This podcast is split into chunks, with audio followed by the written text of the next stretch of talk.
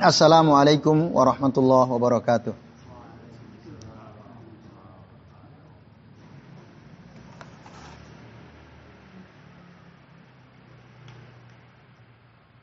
Innal hamdalillah nahmaduhu wa nasta'inuhu wa nastaghfiruh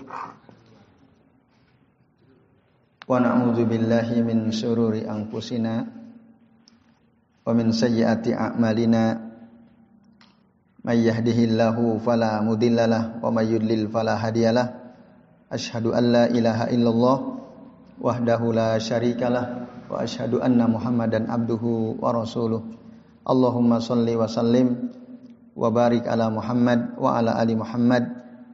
Kama sallaita wa ala Ibrahim wa ala ali Ibrahim. Fil alamin innaka Hamidum Majid Rabbi israh li sadri wa yassir li amri wahlul 'uqdatam min lisani yafqahu qawli amma ba'du. Bapak-bapak dan ikhwah sekalian a'azani Allah wa iyyakum ajmain. Alhamdulillah puji dan syukur marilah senantiasa kita haturkan kehadirat Allah Subhanahu wa taala yang telah mengizinkan kita semua untuk bisa hadir ke majelis ini yang melanjutkan ngaji kitab Tazkiyatun Nufus yang disusun oleh Syekh Dr. Ahmad Farid Hafidhullah taala ya. Dan pembahasan kita pada malam ini kita akan membahas tentang tawakal, bab tentang tawakal. Apa itu tawakal? Dan bagaimana kita merealisasikan tawakal gitu ya. Lalu apa keutamaan tawakal itu? Kita akan bahas ini. Jadi tawakal itu qala al-muallif ya rahimahullah berkata penulis kitab ini yaitu Syekh Ahmad Farid, at-tawakkulu huwa sidqu i'timadil qalb 'ala Allah azza wa jalla istijlabi al-masalihi wa daf'il madhari fi umuri dunya wal akhirah. Jadi tawakal itu adalah kita betul-betul bersungguh-sungguh hati kita ini bersandar hanya kepada Allah Azza wa Jalla saja. Jadi sandaran kita betul-betul hanya Allah gitu. Di dalam ya istijlab ya al masalih dalam mendapatkan kemaslahatan wadaf il dan dalam menolak bahaya atau madarat baik dalam urusan dunia maupun dalam urusan akhirat. Jadi hati kita itu betul-betul sandarannya hanya Allah gitu. Baik tadi dalam berusaha untuk mendapatkan kemaslahatan di dunia. Contohnya gimana? Ya, contoh misalnya kita bekerja untuk mendapatkan uang untuk menghidupi anak istri. Itu kan kemaslahatan ya. Nah, itu kemaslahatan. Nah, maka saat kita bekerja untuk mendapatkan uang tadi ya, supaya kita bisa membutuh, memenuhi kebutuhan anak istri kita, keluarga kita, bahkan diri kita sendiri. Nah, kita bersandar betul-betul hati kita kepada Allah Subhanahu wa taala. Termasuk untuk menolak madarat bahaya misalnya. Kita berjalan dari rumah ke majelis ilmu naik motor. Ya kan? Panasir jauh dari Imogiri timur sana, di ujung timur ya. Imogiri. Nah, dijalankan kemungkinan-kemungkinan Maldorot ada kan. Entah itu diserempet orang. Bahkan mungkin karena kita ngebut kita sendiri nabrak orang. nabrak kol gitu ya. Atau kita sebenarnya udah pelan gitu. Tapi ada orang mabok misalnya nabrak kita. Kan kita nggak tahu kan. Nah itu namanya daful mador. Kita berusaha ya Allah waktu kita berangkat keluar rumah itu Tawakal udah sama Allah. Nah, nah makanya Rasul ngajarin doa Bismillahi tawakal tu Allah itu. Bismillahi tawakal tu Allah. Dengan menyebut nama Allah aku bertawakal kepada Allah. La haula wa la quwata illa billah. Tidak uh, tidak ada tidak ada usaha ya dan tidak ada kekuatan kecuali hanya dari dari Allah taala. Nah, itulah tawakal. Nah, itu yang maksud dabul madar ya baik dalam urusan dunia maupun urusan akhirat sama gitu. Nah itu makna tawakal ya. Jadi kesungguhan hati dalam bersandar kepada Allah Azza wa Jalla baik untuk mendapatkan maslahah atau untuk mencegah madarat gitu ya dalam urusan dunia dan akhirat. Nah, di dalam Al-Qur'an surah At-Tolak ayat 2 sampai 3 dijelaskan tentang ya apa fadilah keutamaan orang tawakal. Allah taala berfirman, "Wa may yattaqillaha yaj'al lahu makhraja." Barang siapa yang bertakwa kepada Allah, Allah akan jadikan untuknya makhraj. Apa itu makhraja? Makhraj itu jalan keluar. Dari kata kharaj, makhraj. Ya. Jalan keluar dari apa? Dari setiap kesulitan yang dihadapi. Saya yakin kita semua punya masalah ya. Punya masalah. Mau kecil, sedang, besar, pasti ada masalah. Maka bertakwalah pada Allah, pasti ketemu. Jangan-jangan ketika kita ada masalah, solusi nggak ketemu-ketemu, mungkin kurang takwa, bisa jadi kan? Kita kurang takwa. Nah, maka ini nasihat penting ya dari Allah Subhanahu wa taala untuk kita selaku hamba-hambanya. Jadi kalau kita ingin ketemu jalan keluar dari masalah yang oh kok nggak selesai-selesai. Ah, bisa jadi kita kurang gitu. Usaha kita untuk betul-betul takwanya kurang. Ya, ini saya kira penting ya direnungkan ayat ini ya. Wa may makhraja. Bahkan bukan hanya itu. Wa yarzuqhu min haitsu yahtasib. Dan Allah akan memberikan kepadanya rezeki dari arah yang tidak disangka-sangka. Nah, gimana sih konkretnya untuk merealisasikan ini ya? berusaha takwa itu para ulama sudah menjelaskan. Ya. Ini adalah istilah yang sangat populer ya masyhur di tengah-tengah kaum muslimin. Yaitu apa? Ij apa? Imtithalu awamirihi wajtinabu nawahihi. Mentaati seluruh perintah-perintah Allah taala imtithalu awamirihi jadi seluruh yang Allah perintahkan, yang Rasulnya perintahkan termasuk tentu saja, itu kita taati gitu.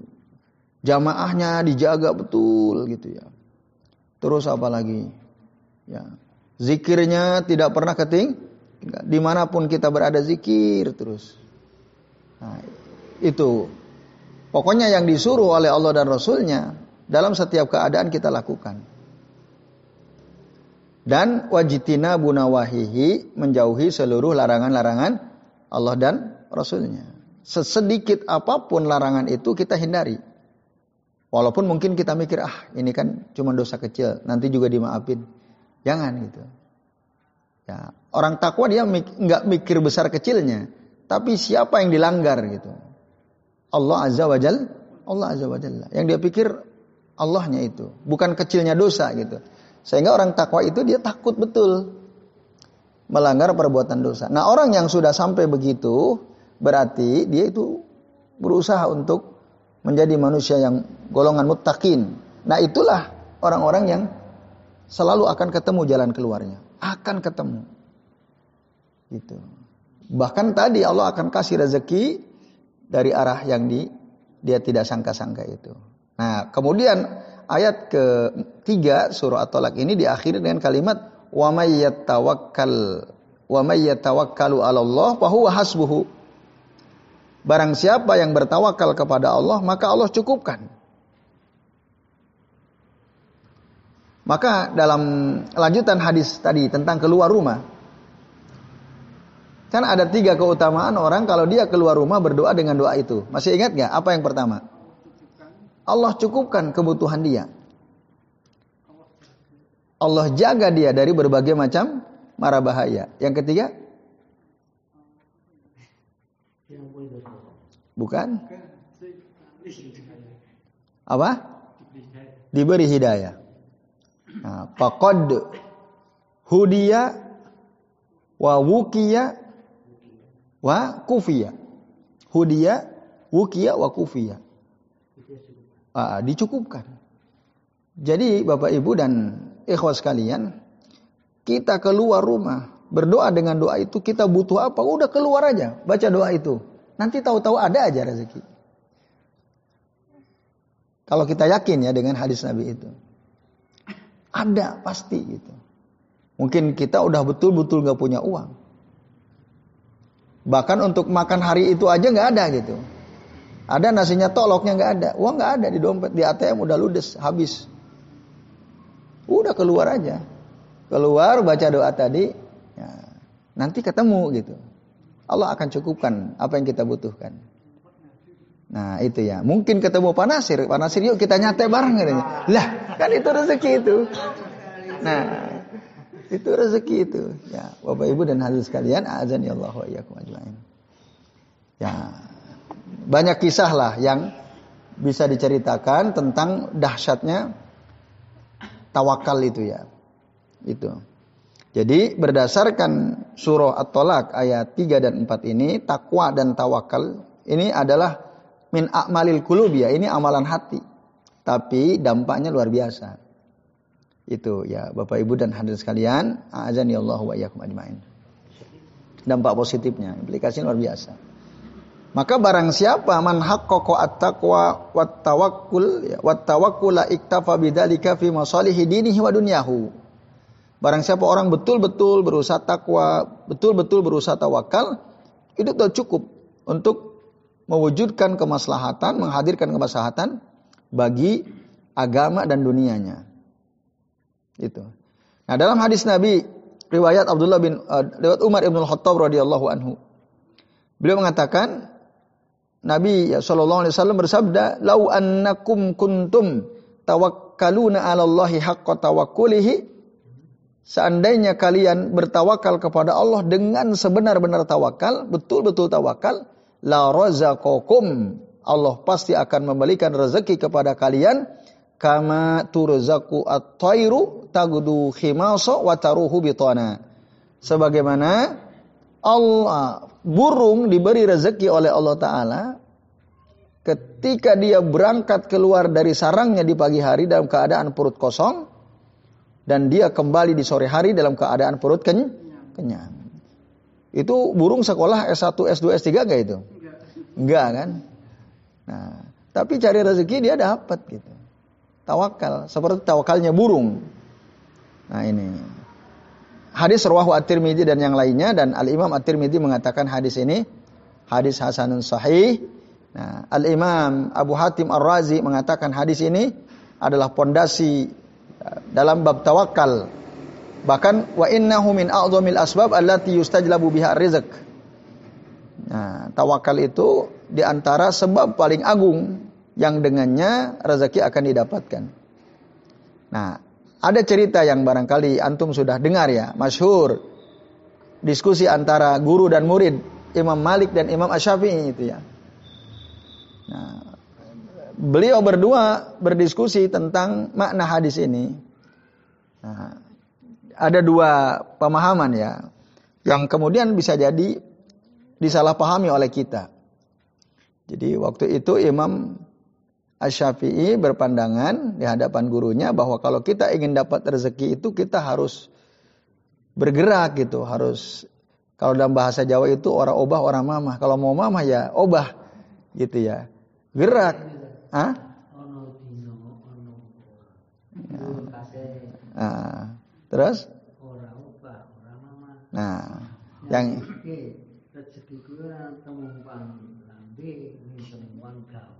Nah, itu ya. ya, tapi yang relevan kan itunya ya. Jadi menurut pemahaman Al-Imam Asy-Syafi'i, orang kalau mau dapat rezeki ya harus berusaha gitu. Nah, sementara Imam Malik ya tidak demikian ya. Jadi Imam Malik memahami berdasarkan kalimat pertama lau annakum kuntum tawakkaluna Allah haqqa tawakkulihi la razaqakum situ. Jadi kalau kamu betul-betul tawakal kepada Allah, benar-benar tawakal, pasti Allah kasih rezeki. Nah, sementara Imam Syafi'i melihat dari perspektif bagian belakang. Kama turzaku at-tairu ya tagdu himasa wa taruhu.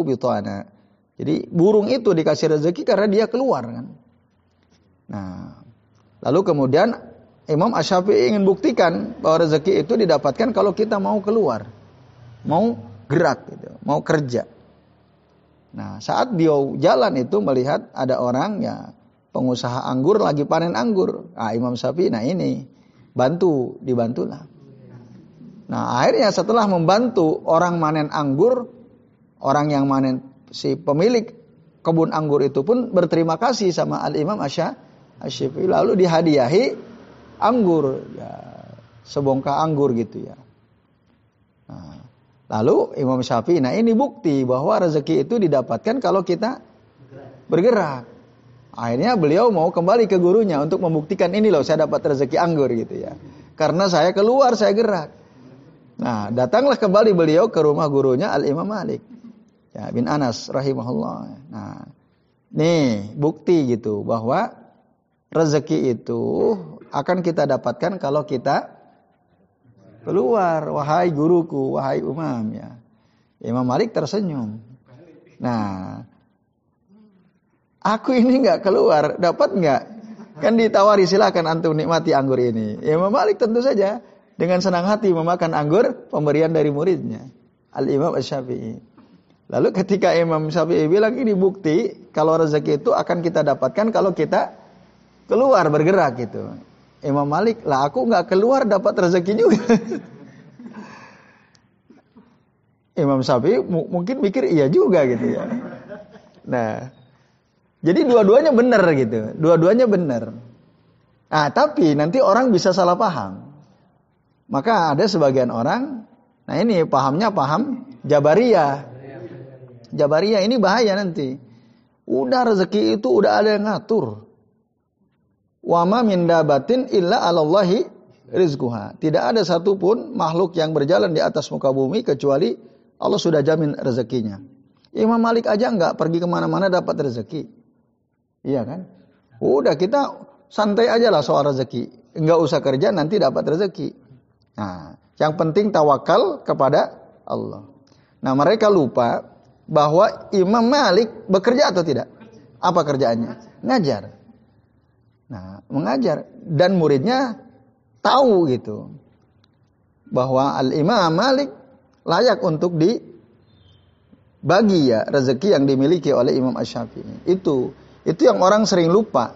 Jadi Imam Syafi'i, Imam Malik itu bukan diam begitu saja, beliau tiap hari ya menyampaikan ilmu, mengajar ilmu. Itulah geraknya beliau.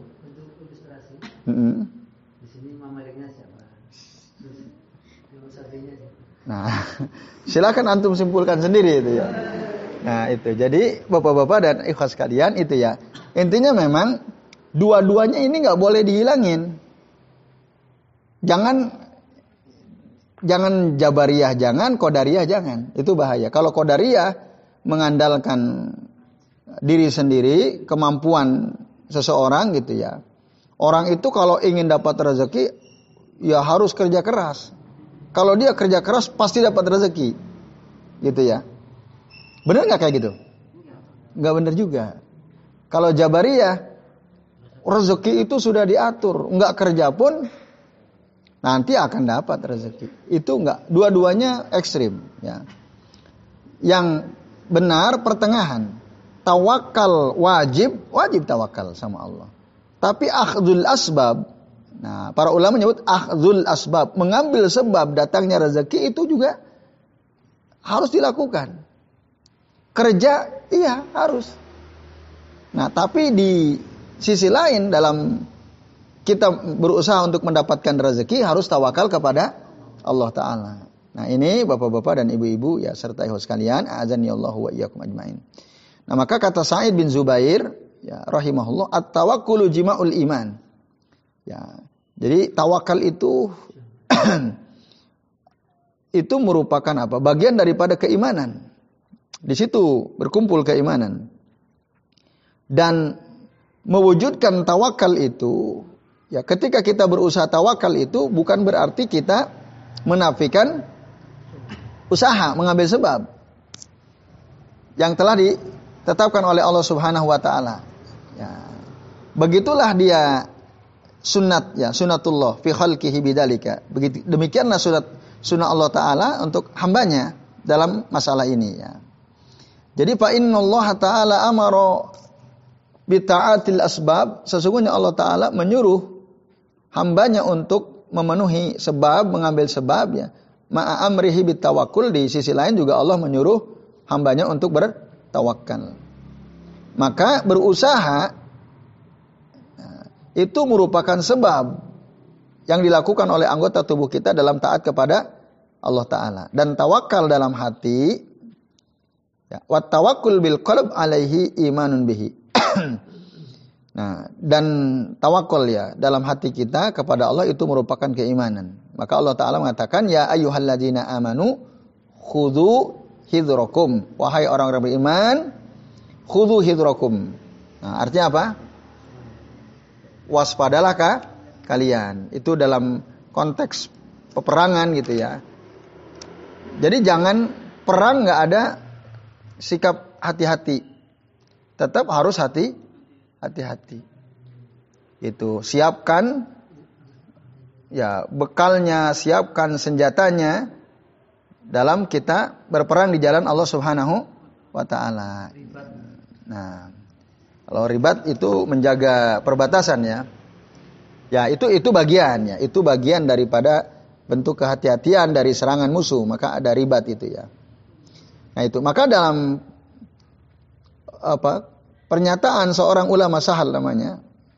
Beliau mengatakan man fil harakati yakni wal kasbi faqad ta'ana sunnah.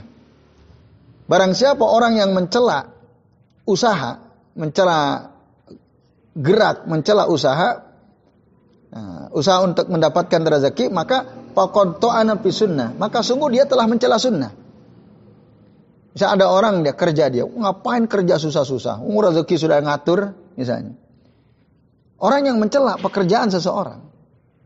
Tadi, ngapain kamu kerja susah-susah? Wong rezeki sudah ada yang ngatur. Berarti dia mencela sunnah. Gitu. Wa man ta'ana fit tawakkuli faqad ta'ana fil iman. Dan barang siapa orang yang mencela tawakal, sungguh dia telah mencela ke keimanan. Tawakal itu adalah keadaan Nabi, hati Nabi Shallallahu Alaihi Wasallam dan usaha itu merupakan sunnah Nabi. Nah, merupakan sunnah nah, Nabi Shallallahu Alaihi Wasallam. Nabi bekerja tidak? Kerja. Dari kecil beliau kerja apa? Mengembala kambing, jualan baju kain dari Khadijah. Nah, itu. Jadi beliau ya hatinya tawakal, fisiknya bekerja dan maka al kasbu min sunnatihi. Paman amila ala halihi fala yatrukanna sunnatahu. Barang siapa orang yang ya hatinya sudah sesuai dengan apa yang dilakukan oleh Nabi tadi dalam keadaan tawakal, janganlah sekali-kali dia meninggalkan sunnahnya. Maksudnya apa? Hatinya tawakal, sunnahnya ber, bergerak, bekerja, berusaha. Itu dua-duanya harus dilakukan.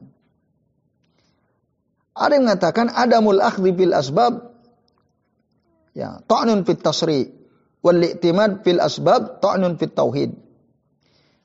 Orang yang tidak mau mengambil sebab, tidak mau berusaha berarti dia telah mencela syariat. Gitu. Dan orang yang terlalu yakin dengan sebab jadi kalau dapat rezeki harus kerja keras, yakin.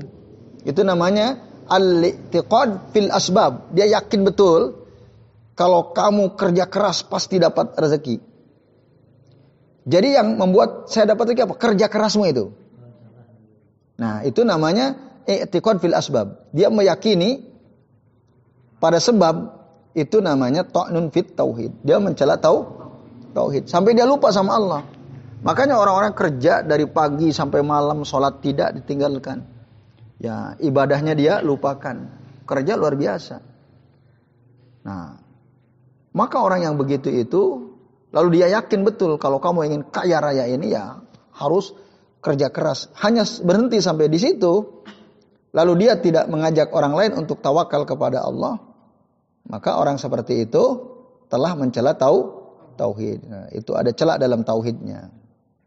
Nah ini ya bapak-bapak dan ikhwas sekalian, azan ya Allah wa iyyakum ajmain. Jadi harus seimbang. Tawakal wajib, tapi mengambil sebab juga ya harus dilakukan. Itu. Nah. Maka nanti di dalam hadis Nabi ya, Sallallahu Alaihi Wasallam uh, dijelaskan ya oleh Nabi ya Sallallahu Alaihi Wasallam kalau kita ini harus berusaha keras untuk mendapatkan apa yang bermanfaat untuk kita. Dalam hadis Sahih Muslim, Nabi bilang apa? Ya, Nabi mengatakan qala Rasul sallallahu qala Rasulullah sallallahu ihris ala ma yanfa'uka. Ihris ala ma yanfa'uka wasta'in billahi wala ta'jizanna. Ihris ala ma yanfa'uka. Bersemangatlah kamu untuk mendapatkan apa yang bermanfaat buatmu. Itu harus semangat. Rasul nyuruh kita semangat. Uang bermanfaat atau tidak? Kita ingin dapat uang? Semangat. Apa yang bisa kita lakukan? Apa saja silahkan. Selama itu halal dan dibolehkan oleh Allah Ta'ala, oleh syariat, lakukan. Semangat. Sesedikit apa pun peluang, manfaatkan, lakukan itu. Karena bisa mendatangkan sesuatu yang maslahat. Bahkan Rasul bilang, is ihris, semangat. Tapi, nah, wasta'in billah. Minta tolong sama Allah. Nah, di sini poin tawakalnya. Kalimat pertama menyuruh kita untuk bekerja, kalimat kedua Rasul menyuruh kita untuk bersandar kepada Allah, minta tolong kepada Allah Subhanahu wa taala. Jadi harus seimbang. Dan kalau gagal, wala ta'jiz. Wala ta'jiz. Jangan lemah. Gagal, bangkit lagi. Gagal, bangkit lagi. Nanti ketemu. Tapi poin penting tadi, wasta'in billah. Minta tolong sama Allah Subhanahu wa taala. Nah, ini ya Bapak-bapak dan ikhwas sekalian, azani Allah wa. Maka jangan remehkan usaha, jangan remehkan tawa, tawakal. Dua-duanya harus dilakukan secara seimbang. Baik, kemudian wal a'malul lati ya'malu hal abdu salah satu aksam. Kata saya Ahmad Faridja. Perbuatan yang dilakukan oleh seorang hamba itu terbagi menjadi tiga bagian. Yang pertama atau atul lati amarullahu biha ibadahu yaitu amal ketaatan yang Allah perintahkan hamba-hambanya untuk taat wa ja'ala hasababan linajati minan nar wa jannah dan ketaatan kepada Allah adalah apa? Merupakan sebab selamatnya seseorang dari siksa api neraka dan masuknya dia ke dalam sor sorga. Fahadalah buddha min maka ini harus dilakukan. Dia harus mengamalkan ini. Ma'at tawakkul alallahi azza wa jalla. Nah, bersamaan dengan itu dia juga harus tawakal kepada Allah azza wa jalla. Di dalam perbuatan tersebut dan mintalah tolong kepada Allah taala karena apa? Karena sesungguhnya tidak ada usaha, tidak ada kekuatan kecuali dengan izin dari Allah. Wa masya'a subhanahu wa ta'ala kan wa malam yasha lam yakun. Apa yang Allah kehendaki terjadi pasti terjadi dan apa yang Allah kehendaki tidak terjadi pasti tidak akan ter terjadi. Nah, itu ya. Maka barang siapa orang yang dia tidak berusaha sungguh-sungguh ya, pada perkara yang diwajibkan atas dirinya, maka dia wajib mendapatkan hukuman baik di dunia maupun di akhirat, baik secara syariat maupun secara kodar ya. Artinya apa? Orang itu kalau ingin selamat dunia akhirat harus bera, beramal, beramal soleh. Itu namanya asbab. Walaupun yang memasukkan kita ke surganya Allah, menjauhkan kita dari nerakanya Allah adalah apa? Rahmat dari Allah Subhanahu wa taala. Tapi sebabnya harus dilakukan. Nah, apa sebab yang membuat kita ini diberikan rahmat oleh Allah Subhanahu wa taala? Nah, itu dalam Al-Qur'an disebutkan. Barang siapa orang yang bertawakal kepada Allah, maka dia pasti akan diberikan rahmat oleh Allah Subhanahu wa taala. Itu. Maka antum bisa buka ya dalam Al-Qur'an. Kayaknya juga pernah kita bahas ini ya. Dalam surah Ali Imran ayat 100 32 coba antum buka. Surah apa? Ali Imran ayat 132. Ada yang sudah ketemu? Hmm. Hmm. Nah, jadi memang amal kita tidak bisa memasukkan kita ke dalam surganya Allah Ta'ala amal kita tidak bisa memasukkan kita dan itu disampaikan oleh Nabi. Nah, la yudkhilu ahadakum al jannata bi amalihi gitu. Atau la yudkhilu ahadakum al jannata amaluhu.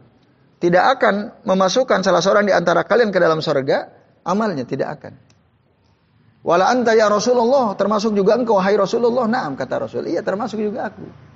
Illa an yataghammadani Allahu bi rahmatin minhu wa fadl. Kecuali Allah telah meliputi aku dengan karunia dan rahmatnya. Jadi rahmat Allah lah yang menyebabkan seseorang itu masuk surga. Nah, kan pertanyaannya gimana caranya supaya kita dapat rahmat dari Allah Subhanahu wa taala? Caranya apa? Taat. Allah, taati Allah, war rasul, taati Rasul, la'allakum turhamun. Kata Allah itu harfu taraji. Tapi jika Allah yang bicara, para ahli tafsir sebagian mengatakan itu menunjukkan kepastian. Taroji itu huruf harapan. Biasa, ya biasa diterjemahkan mudah-mudahan kalian dirahmati atau semoga kalian dirahmati. Itu kalau kita yang ngomong. Tapi kalau Allah yang menyatakan itu artinya pasti gitu. Orang yang taat kepada Allah dan Rasulnya pasti dapat rahmat. Jadi gampang sebenarnya. Ingin dapat rahmat gimana? Taati udah. Taati Allah, taati roh, Rasulnya. Nah ini ya Bapak Ibu dan hadis sekalian, azan ya Allah wa iyyakum ajmain. Itu. Kemudian qala Yusuf bin Asbat rahimahullah, yuqalu i'mal amala rajulin la yunjihi illa amaluhu. Bekerjalah kamu sebagaimana bekerjanya seseorang yang ya, dia merasa tidak akan ada yang menyelamatkan dirinya kecuali dengan amalnya itu. Nah, jadi supaya sungguh-sungguh. Kalau dalam istilah lain yang masyur itu gimana? I'mal li dunyaka ka'annaka ta'isu abada. Bekerjalah kamu untuk urusan duniamu seakan-akan engkau ini akan hidup selah, selamanya. Artinya semangat. Walaupun ini bukan kaul dari Nabi, tapi secara makna benar. Ya sama seperti ini kaulnya ulama kan. I'mal amala rajulin la yunjihi illa amaluhu. Sama dengan i'mal dunyaka ka'annaka ta'isu abada. Artinya seakan-akan kita hidup selama-lamanya gitu. Maka kumpulkanlah apa yang kita butuhkan. Ya, siapkan. Maka kita akan sungguh-sungguh gitu dalam beramal. Nah, sebaliknya wa tawakkal tawak tawakkul rajulin la yusibuhu illa ma kutibalah. Dan bertawakallah kamu sebagaimana tawakalnya seseorang yang ya, dia merasa tidak akan tertimpa apa pun kecuali ya memang hal itu sudah ditetapkan oleh Allah Subhanahu wa taala. Itu tawakalnya begitu. Atau kalau dalam kaul lain tadi, kaul yang lainnya yang i'mal li dunyaka ka'annaka ta'isu abada wa li akhiratika ka'annaka tamutu godan. Walaupun konteksnya berbeda ya di bagian akhir. Artinya kita harus betul-betul tawakal, betul-betul bekerja gitu. Bekerja sungguh-sungguh, tawakal juga sungguh Sungguh-sungguh. Jangan sampai berat sebelah. Tawakalnya kuat, kerjanya tidak. Atau kerjanya kuat, tawakalnya lemah. Itu seorang mukmin yang sempurna kuat dua-duanya. Ya. Artinya dia seorang pekerja keras, tapi dia adalah juga orang yang sangat bertawakal kepada Allah Subhanahu wa taala. Nah, nah itu. Nah, begitulah seharusnya seorang mukmin ya. Nah, itu. Nah, baik. Nah, kemudian yang kedua, ya, bagian kedua, ma ajrallahu al adata bihi fid dunya wa amara ibadahu bitta'atihi kal akli indal ju' wasyurbi indal atash wal istidlali minal har wattadaffu'u minal barad wa nahwa dzalika. Ya. Yang kedua, perbuatan seorang hamba itu adalah ma ajrallahu al-adah. Ya. Suatu kebiasaan yang telah ditetapkan oleh Allah taala ya di dunia dan Allah menyuruh hamba-hambanya untuk memenuhi ya hukum ini ya. Contoh misalnya bagi orang yang lapar maka dia harus makan. Bagi orang yang haus, kalau dia ingin hilang hausnya, maka dia harus minum. Dan bagi orang yang kepanasan, supaya tidak kepanasan maka dia harus mencari peneduh yang dia, yang dengan itu dia bisa berteduh. Orang yang kedinginan kalau dia ingin hangat harus ya cari selimut, cari penghangat gitu. Nah, cari api bisa, tapi jangan membakar diri ya. Hanya mendekati api dan yang seterusnya. Itu kan hukum. Nah, apa itu? Nah, bisa itu ya. Ngantuk ya tidur. Mau sholat ngantuk juga tidur. Jangan sampai sholat sambil tidur gitu ya. Nah itu. Nah ini ya. Nah atau ngantuk lagi ngaji sambil makan boleh juga ya. Nah, supaya hilang ngantuknya kan. Kalau teh panasnya habis ngambil lagi kan. Itu. Ya, biar bisa minum yang hangat-hangat itu ya. Nah itu itu itu kan namanya hukum itu sunnah sunnatullah ya hukum Allah seperti itu. Nah, itulah ya ada perbuatan yang seperti itu ya, sesuai sunnah. Maka fahada aydan wajibun alal mar'i taati asbab asbabihi waman. Nah, ini juga sesuatu yang wajib dilakukan, dipenuhi oleh seorang hamba. Ya, sebab-sebab ini waman qasara fihi hatta tadarrara bi tarkihi ma'al qudrati ala istimalihi fa huwa mufarritun yastahiqul uqubah. Jadi barang siapa orang yang meremehkan ini, sehingga akhirnya membahayakan dirinya sendiri. Karena dia meninggalkan usaha padahal dia mampu melakukannya. Nah ini dia ya layak untuk mendapatkan hukuman misalnya. Orang lapar nggak mau makan hukumannya apa kira-kira? Ya sakit ya lemes gitu. karena dia mau makan. Itu. Nah ini ya. Jadi jangan diabaikan gitu. Kalau orang ingin dapat uang Berarti apa? Kerja, boleh jualan, boleh kita apa punya keterampilan apa kita gunakan gitu ya. Dan seterusnya ya, banyak lapangannya yang bisa kita lakukan berdasarkan kemampuan yang Allah sudah berikan kepada kita. Jadi jangan hanya berharap-harap gitu ya. Tapi ada sesuatu yang konkret yang kita lakukan. Nah ini Bapak Ibu dan hadis sekalian. Nah karena tadi orang tidak mungkin kenyang kalau dia tidak makan saat lapar. Orang tidak mungkin hilang hausnya kalau dia tidak minum ketika dia sedang ha haus. Kan itu hukum alam gitu. Walaupun apa? Jangan bersandar ya sepenuhnya kepada apa? Sebab ya itu bersandarlah sepenuhnya kepada Allah Subhanahu wa taala gitu. Jadi ini ya. Dan yang ketiga, bagian ketiga Bapak-bapak dan Ibu sekalian, ma ajrallahu al-adata bihi fid dunya fil a'amil eh, fi al-a'ammi al-aglabi. Wa qad yakhruqu al-adata fi dzalika liman syaa min ibadihi wa hiya anwa. Nah, itu yang model yang ketiga ya. Jadi yang ketiga itu ada amalan yang ya Allah sudah tetapkan kebiasaan di dunia ya secara umum ada ya. Tapi ada juga yang kadang-kadang menyelisih kebiasaan gitu. Yahruku al-adah itu maksudnya di luar kebiasaan. Bagi siapa? Bagi orang yang dikehendaki oleh Allah dari hamba-hambanya. Nah, ini banyak ya disebutkan kal adwiyati masalan wa qad ikhtalafal ulama hal al afdal liman asabahul marad at-tadawi am tarakahu liman haqqaqa at-tawakkul Allah azza wajal. Contoh berobat Para ulama berbeda pendapat. Yang utama kalau orang sakit itu berobat atau tidak? Nah, itu. Nah, di sini para ulama berbeda pendapat gitu ya. Memang pada umumnya orang sakit itu kalau ingin sembuh apa? Berobat pada umumnya, ya, pada umumnya. Tapi ada orang nggak berobat sembuh ada nggak?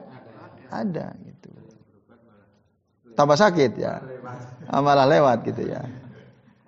Bahkan ada orang diklaim ini orang sakitnya nggak akan sembuh kecuali kalau dia dioper, dioperasi misalnya. Eh ternyata tanpa dioperasi bisa hilang total gitu kankernya, penyakitnya.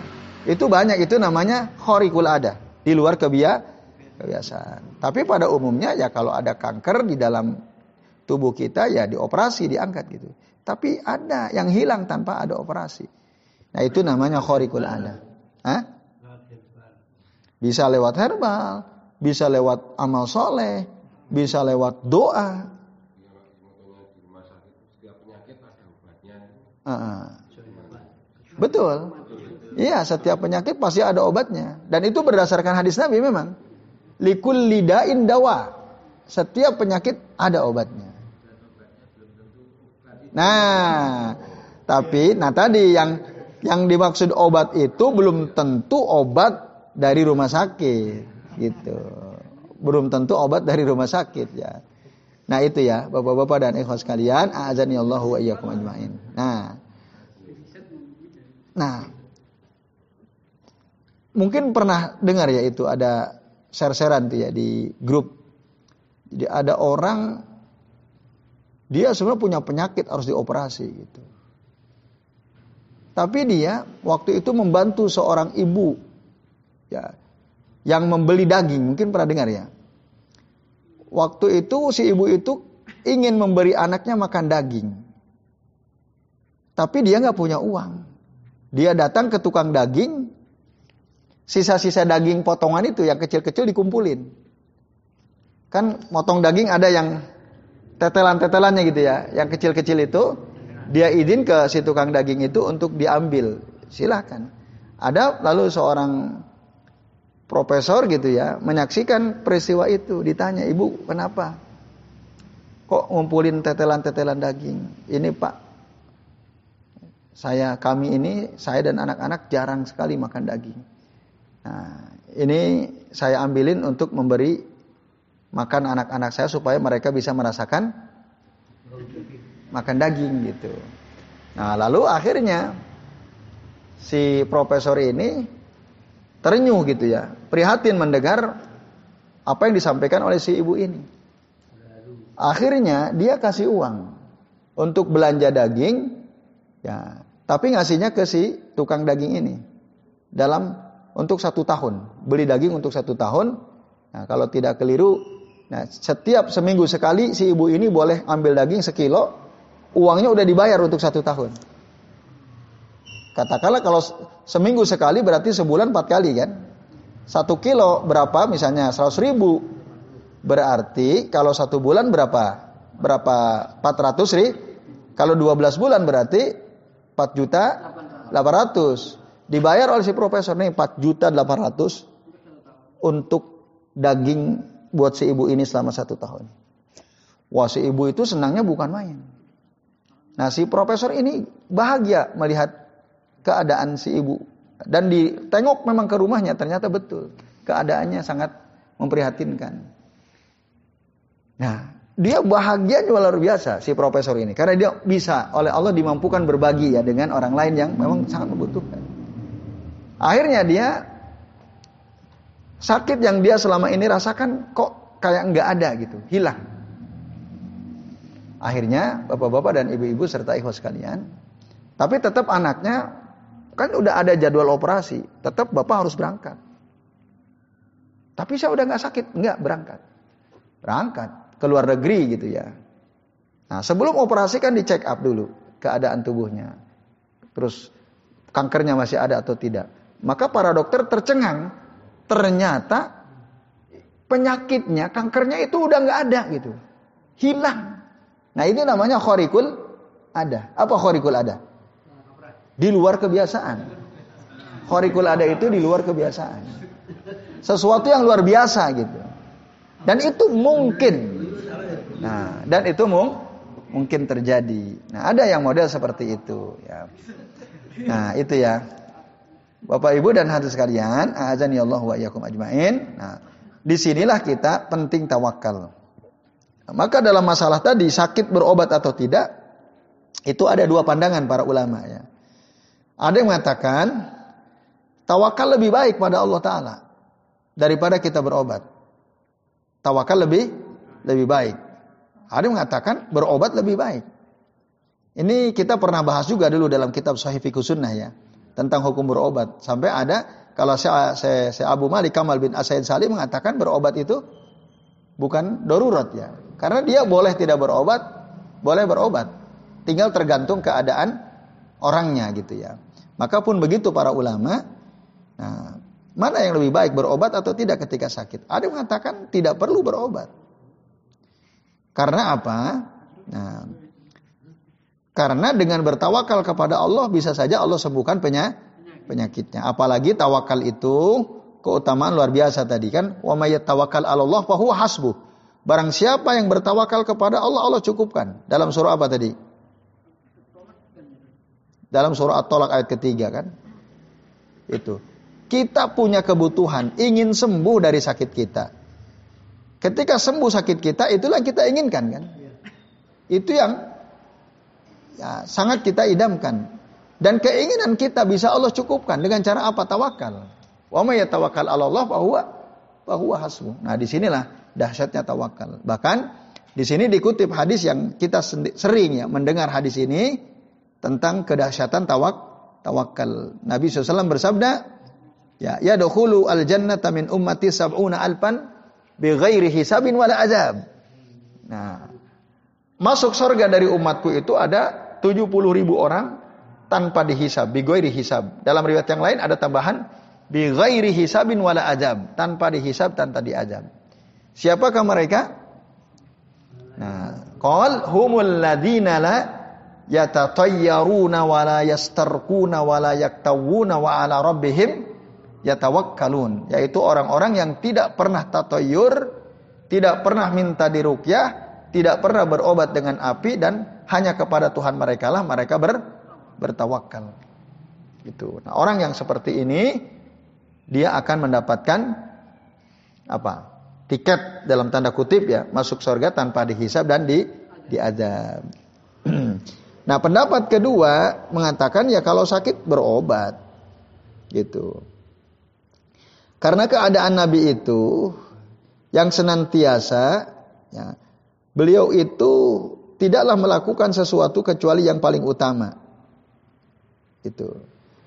Jadi yang apa yang yang utama ya berobat menurut pendapat kedua gitu. Nah, sementara hadis di atas tentang kita tidak boleh minta dirukyah itu maksudnya adalah rukyah yang makruh. Gitu. Yang dikhawatirkan ada kesyirikan darinya. Karena kata rukyah di situ di apa dibersamai dengan kai tiaroh ya dengan kai dan tiaroh atau tatoyur ya dan keduanya ini makruh nah, itu jadi itu yang yang tidak boleh sementara kalau berobat di minta rukyah yang tidak makruh maka tidak ada masalah itu maka mujahid ikrimah an dan ya, tidak hanya satu dari golongan salaf mereka itu ya la yurakhisu fitar kisabab bil kulliyati illa liman in qata'a qalbuhu minal istisraki ilal makhluqina bil kulliyah. Nah, tidak ada rukhsah untuk meninggalkan sebab secara ya secara keseluruhan gitu ya. Itu tidak ada rukhsah. Artinya sebab sebab itu harus diambil ya, jangan ditinggalkan secara totalitas dalam sakit ya sebab untuk bisa sembuh berobat itu jangan ditinggalkan secara totalitas. Kecuali liman koto buhu anil istisrob, anil istisroki ilal makhluki nabil kuliyah.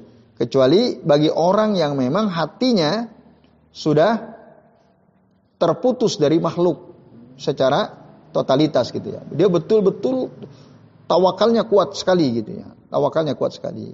Abu Bakar As-Siddiq pernah ya kita bahas ya. Ketika sakit kan disarankan engkau Aa, tidak datang aja ke dokter. Atau apa kata Abu Bakar? Sudah, dokter sudah datang. Siapa yang dimaksud? Allah. Yaitu yang innahu fa'alun lima yurid. Allah yang maha melakukan apa saja yang Allah kehendaki. Kalau Allah kehendaki saya sembuh, ya saya sembuh. Kalau Allah kehendaki saya sakit, ya saya sakit. Gitu. Nah itu.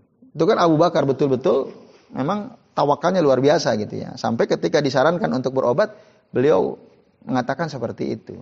Jadi saya sakit ini karena dikehendaki Allah. Betul atau tidak? Iya.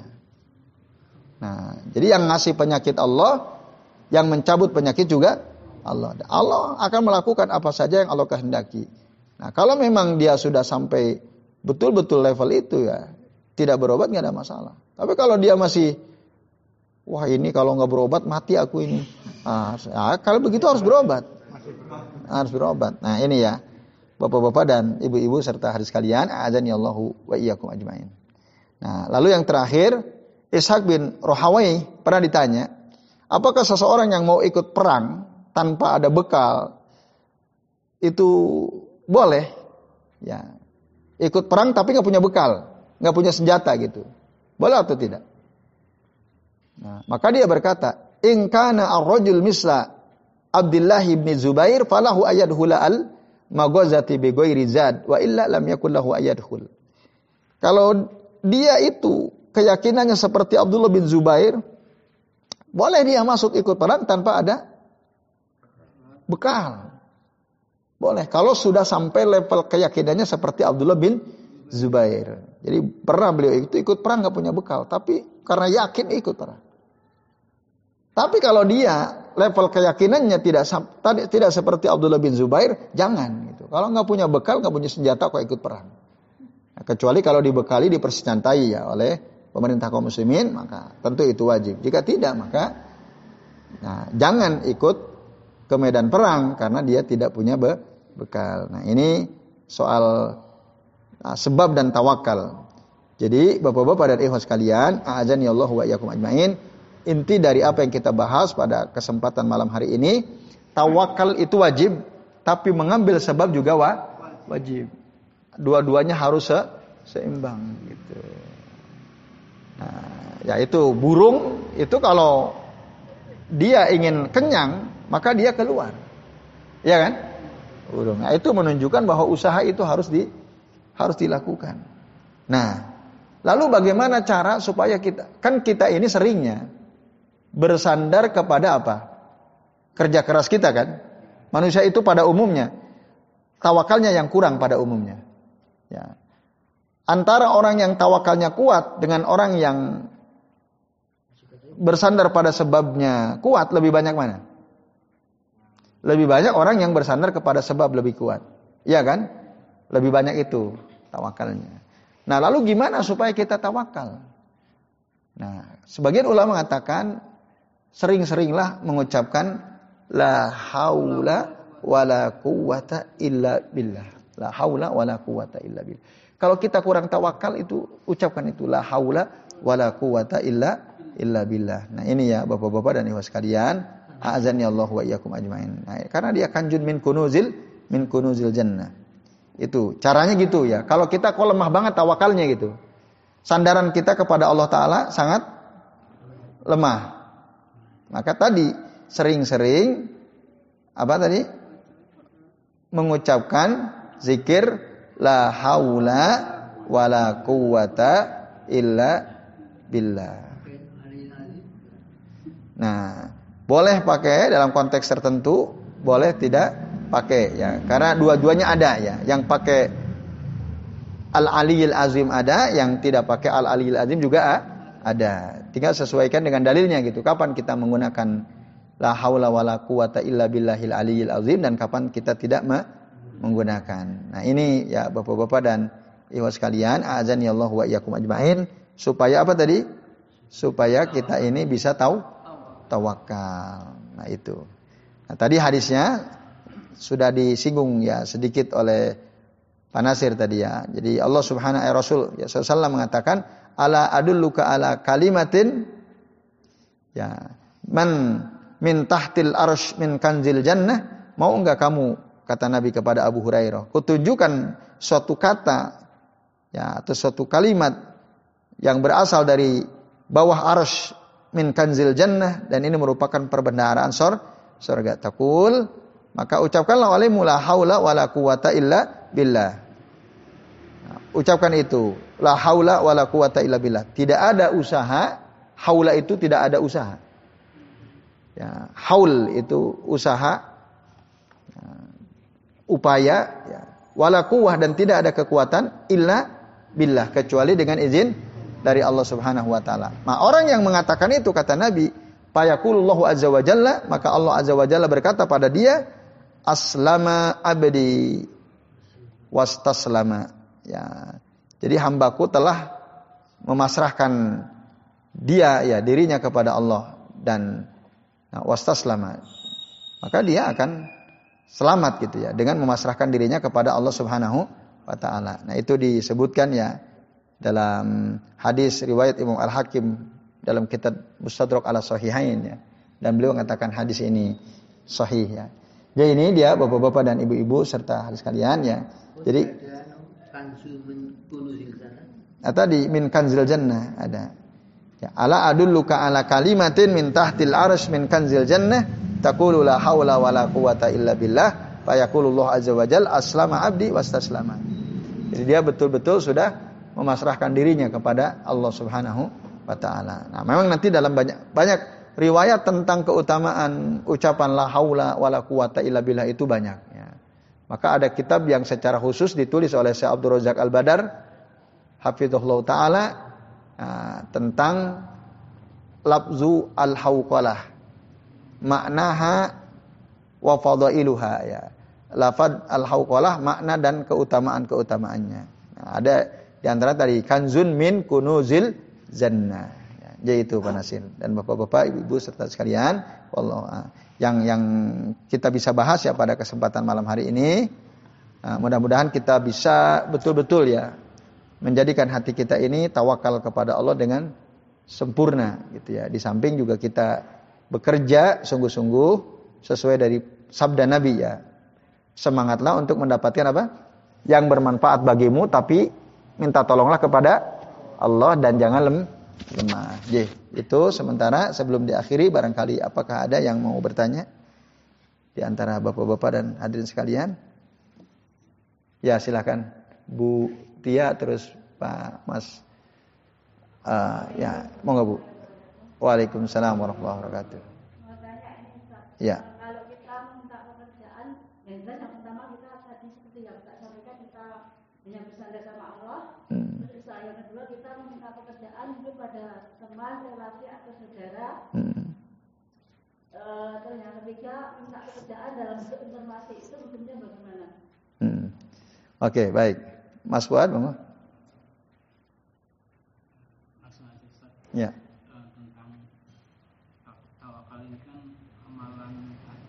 Ya, betul.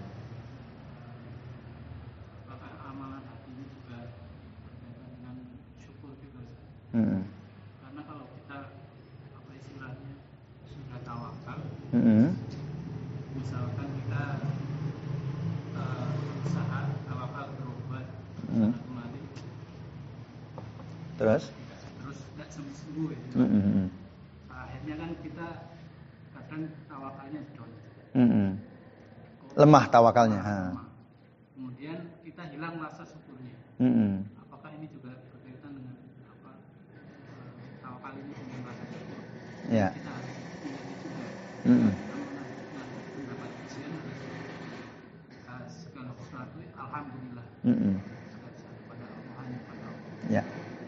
Ya. Hati, ya. Ya. Oke, baik. Terima kasih. ya, silakan.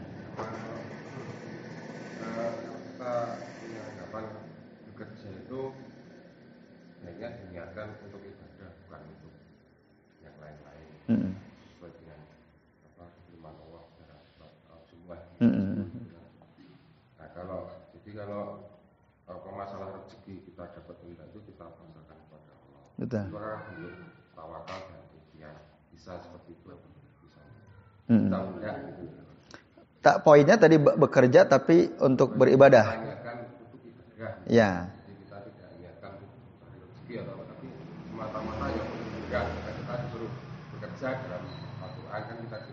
Ya betul. Jadi masalah nanti kita dapat rezeki atau enggak ya kita serahkan pada Allah. Tawakal sama Allah.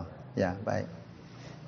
Ya terima kasih Pak Wikan ya. Baik Bapak sekalian yang pertama ya uh, dalam berusaha untuk tadi ya li istijlabil masalih ya mendapatkan kemaslahatan mendapatkan rezeki itu apakah harus bekerja? Ya iya tadi itu harus dilakukan. Ikhtiar untuk mendapatkan rezeki harus dilakukan. Berarti bekerja bagi seorang muslim adalah apa? Ya sesuatu yang harus dilakukan. Min sunnati rasul Shallallahu Alaihi Wasallam. Itu. Jadi kerja itu dari merupakan bagian daripada sunnah Rasul. Kalau kita mencela bekerja berarti apa tadi? Telah mencela syariat kan, mencela sunnah. Nah itu, itu yang pertama Butia. Jadi memang betul kita harus be bekerja. Gitu. Tentu yang tidak melanggar ketentuan syari syariat. Apa saja yang kita bisa kerjakan yang selama itu dibolehkan oleh syariat lakukan.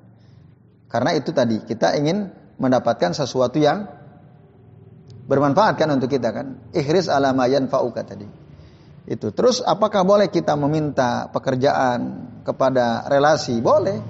Itu tidak dilarang. Selama kita punya kemampuan gitu ya. Itu. Atau termasuk minta kepada teman informasi ada loker gitu ya. Itu boleh, tidak ada masalah. Itu tidak menafikan tawakal kita kepada Allah Subhanahu wa taala. Itu bagian daripada ikhtiar yang memang kita bisa lakukan dan itu tidak sekali lagi tidak menafikan tawakal. Artinya saat kita mencari-cari info, mencari pekerjaan itu bukan berarti kita nggak tawakal, enggak. Karena tawakal itu amalan hati, bekerja amalan fisik dan dua-duanya harus di, dilakukan. Seperti yang tadi sudah dibahas, yaitu Allah taala alam Intinya boleh ya.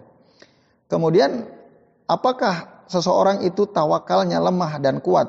Ada kaitannya dengan syukur? Iya dua-duanya amalan hati, syukur amalan hati, tawakal amalan hati. Nah, maka di sini kan di kitab kita ini membahas tentang tazkiyatun nufus ya.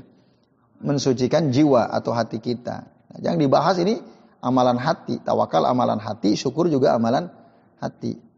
Apakah ketika don tawakal saya, apa karena saya kurang bersyukur? Bisa jadi.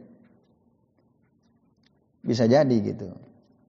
Nah, karena la in syakartum la azidannakum wa la in kafartum inna azabi lasyadid. Nah, azab Allah itu bisa jadi juga kena hati gitu.